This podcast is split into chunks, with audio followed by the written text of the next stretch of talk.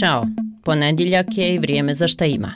Ja sam Aida Đugum i u trećem ljetnjem izdanju podcasta govorimo o festivalima koji su, bare meni, asocijacija za odmor, druženje i zabavu. A vama? Nešto divno, pa na zabavu. Na druženje, dobru atmosferu, muzika, raja. Na zabavu društvo i ovaj konkretno film festival na zbir dobrih filmova na jednom mjestu. Pa jedino ovaj Sarajevo film festival na Evropu, na svijet, na normal. A Sarajevo Film Festival na radost publike počinje u petak 11. augusta. To je 29. izdanje SFF-a kojeg ove godine otvara film Poljubite budućnost u režiji Nenada Čičina Šajna. Producenti filma su hollywoodski glumci Matt Damon i Ben Affleck. Dovoljno je reći da do 18. augusta, do zatvaranja festivala, bit će prikazano oko 230 filmova. Od toga se 49 nalazi u takmičarskim selekcijama. Direktor Sarajevo Film Festivala Jovan Marjanović publici je poručio. Pozivamo publiku da što prije osigura svoje ulaznice koji će naravno biti u dovoljnom broju jer ove godine zaista smo povećali kapacitete što se tiče broja projekcija. U filmskim projekcijama na otvorenom imaće priliku uživati i publika u Mostaru i Tuzli.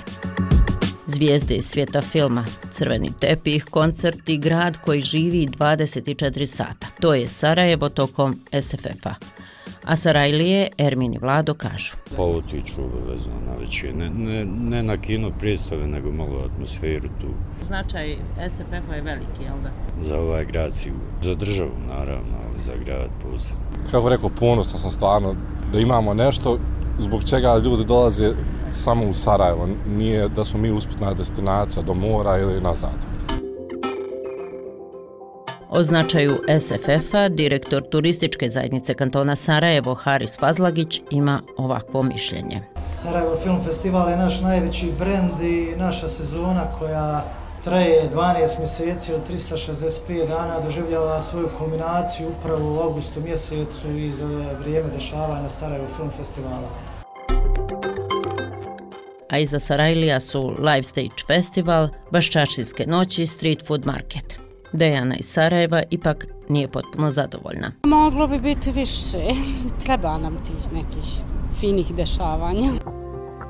A u Goreždu danas završava internacionalni festival prijateljstva 26. po redu. To je jedinstvena manifestacija u gradu na Drini koja okuplja brojne učesnike iz raznih sfera umjetnosti. Šta to znači? Koncerti na otvorenom, internacionalna likovna kolonija, boje prijateljstva, pozorišne predstave, promocije ljetni sajam knjige, sajam starih zanata, izložbe, smotra folklora i još mnogo toga. Iz organizacijonog odbora festivala za podcast Šta ima govori Muhamed Hubanić. Pa poslušajmo.